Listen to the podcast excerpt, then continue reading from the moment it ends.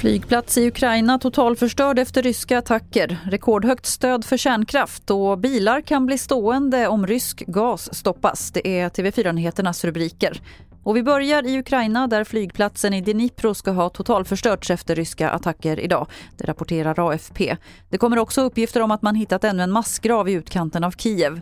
Vi har vår reporter Johan Fredriksson på plats i staden Odessa och han lämnade den här rapporten från Ukraina tidigare idag. Ukraina är ju ett land som dagligen utsätts för det som måste beskrivas som en slags terrorbombningar från rysk sida. Nya massgravar upptäcks, nya övergrepp avslöjas och vi ser civila som, som blir utsatta för beskjutning och granatbeskjutning.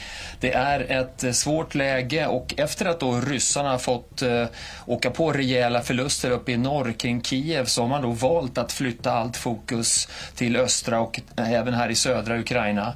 Så det är ett, eh, ett ett nytt skede i det här kriget som nu har pågått i 46 dagar. Svenskarnas stöd för kärnkraft ligger kvar på en rekordhög nivå. De skenande elpriserna och klimatfrågan kan förklara trenden. Fler än hälften vill bygga ut kärnkraften vid behov. Var tredje vill behålla nuvarande kärnkraft men vill inte bygga nytt. Och bara en av tio vill avveckla den. 600 000 bilar i Sverige riskerar att bli stående om det blir ett stopp på den ryska gasen. Tillsatsmedlet AdBlue, där naturgas är en nödvändig del, behövs för att rengöra dieselavgaser och för att fordonen ska kunna fortsätta rulla. Mattias Bergman är vd för Bil Sweden.